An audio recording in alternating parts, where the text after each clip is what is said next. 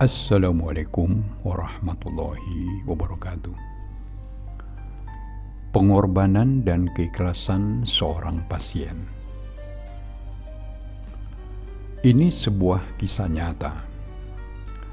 Beberapa bulan yang lalu, seorang ibu berusia 60-an tahun masuk ke ruang praktekku di sebuah rumah sakit di Jakarta Utara. Wajahnya terlihat murung seakan-akan menyimpan kesedihan yang amat mendalam.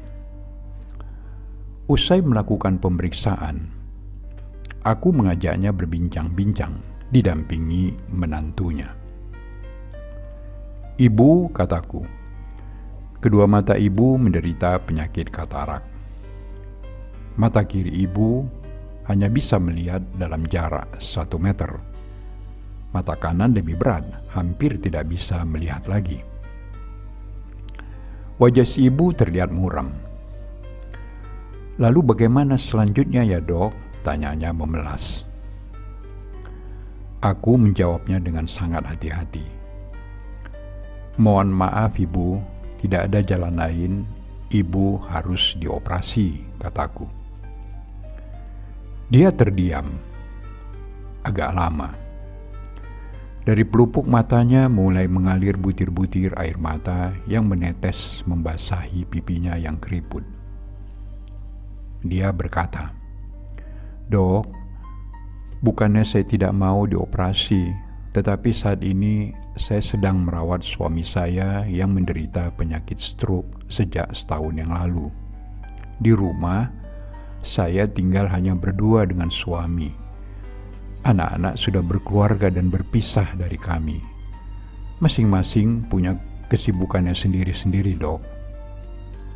Dia lalu melanjutkan, tubuh suami saya sudah lumpuh total, dok. Sayalah yang mengurus semua keperluan dan kebutuhan hidupnya sehari-hari, dok. Mulai dari memandikannya, membersihkan kotorannya waktu dia buang air besar, mengganti pakaian dalamnya, menyuapkan makanan ke mulutnya dan mengangkatnya ke kursi roda atau ke tempat tidur ketika dia mau beristirahat. Tetapi saya ikhlas seikhlas-ikhlasnya dok, karena cinta saya kepada suami saya. Si ibu mulai terisak-isak menangis. Jika saya operasi nanti, siapa yang akan mengurus suami saya? Saya nggak tega membiarkan suami saya terlantar dok. Suaranya seakan-akan tersekat di tenggorokan. Gak apa-apa kalau saya belum bisa melihat lagi. Asal saya masih bisa mengurus dan merawat suami saya dok katanya. Maha suci Tuhan, aku terpana dan amat terharu mendengar ucapan si ibu. Apakah ini yang disebut dengan pengorbanan yang tulus dan ikhlas itu? Aku teringat sebuah ajaran dari seorang guru sufi atau guru spiritual yang sampai saat ini belum mampu aku jalankan si guru mengajarkan bahwa ketika kita semakin tidak egois, kita semakin tak mementingkan diri kita sendiri. Kita semakin mampu memberikan perhatian, pertolongan, kecintaan, sampai pengorbanan yang tulus dan ikhlas buat orang-orang yang kita cintai. Imam Ali mengatakan bahwa mengutamakan orang lain atas diri sendiri atau yang disebut dengan al-itsar adalah ibadah yang paling utama, sebaik-baiknya kebajikan dan kemuliaan yang paling luhur. Terima kasih Tuhan, Engkau telah mendatangkan hambamu yang mulia ini sehingga aku dapat belajar dari dirinya arti keikhlasan dan pengorbanan yang sesungguhnya.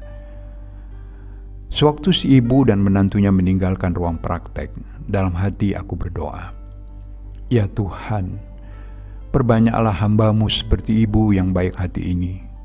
Turunkanlah berkahmu atas semua pengorbanannya dan berikanlah dia ganjaran dan pahala yang berlipat ganda atas semua perbuatan baik yang telah dia amalkan. Amin ya Rabbal Alamin. Wassalamualaikum warahmatullahi wabarakatuh.